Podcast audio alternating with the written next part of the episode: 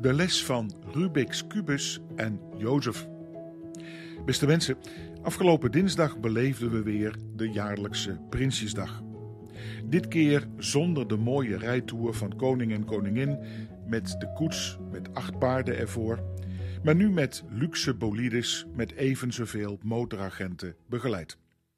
Een sobere, zogenaamde beleidsarme miljoenennota was het. Ondanks de coronacrisis en de miljarden staatssteun zou het met Slans staatskas best wel aardig goed zitten. Waarbij overigens lang niet iedereen dat ook over zijn eigen kas kan zeggen. Maar wat misschien wel het meest opvalt dit jaar is dat terwijl de economische statistieken omhoog veren, ons vertrouwen in de overheid, het koningshuis zelfs en politiek stapje voor stapje omlaag lijkt te gaan.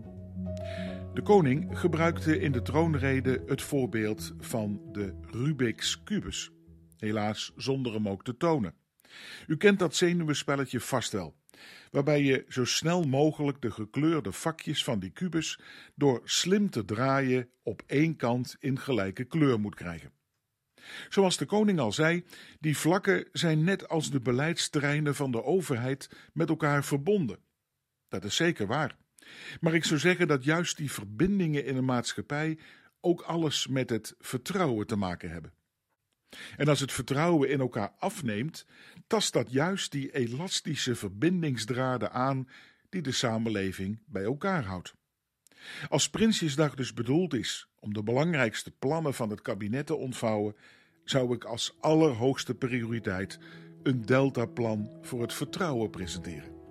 Een samenleving immers waarin we elkaar niet meer vertrouwen mensen, dat dreigt als loszand uit elkaar te vallen. Nou, hopelijk is het zo ernstig nou ook weer niet.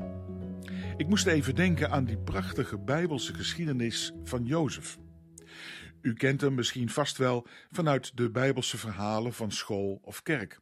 Of misschien vanuit de musical die over hem gemaakt is, met zijn veelkleurige droomjas. Jozef, die door zijn jaloerse broers in de tijd verkocht werd en als slaaf terechtkwam in Egypte, waar hij door allerlei verwikkelingen heen onschuldig in de gevangenis terechtkomt. Daar worden zijn gaven om dromen uit te leggen ontdekt. En op een dag komt hij zelfs voor de farao te staan, die geen raad wist met zijn dromen.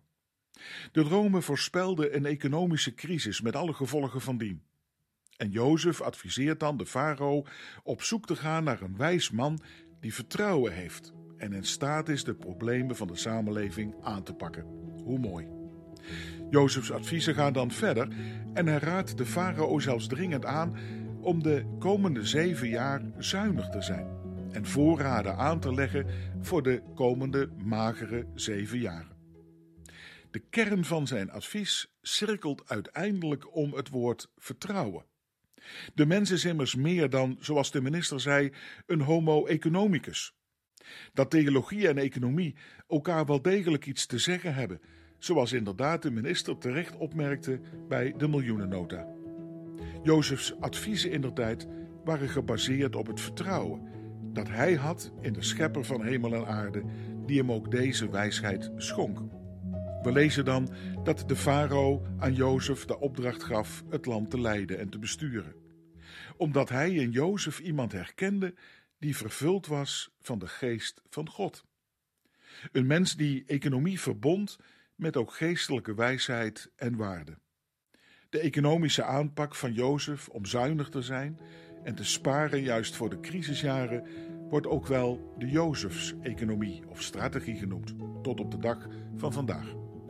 In de geschiedenis van Jozef zien we telkens de kernwoorden vertrouwen en broederschap opduiken. We zien juist dat daar waar vertrouwen hersteld wordt, zowel in het leiderschap en later ook in de broederschap met zijn broers, het land weer tot bloei kan komen. Niet alleen economisch, maar ook in de menselijke verhoudingen. Het is waar, die kubik van de samenleving kan niet zonder het vertrouwen in elkaar, in de overheid en zelfs niet zonder het vertrouwen op de Allerhoogste, die ons geloof, hoop en liefde schenkt en wijsheid in ons doen en laten in het klein en in het groot.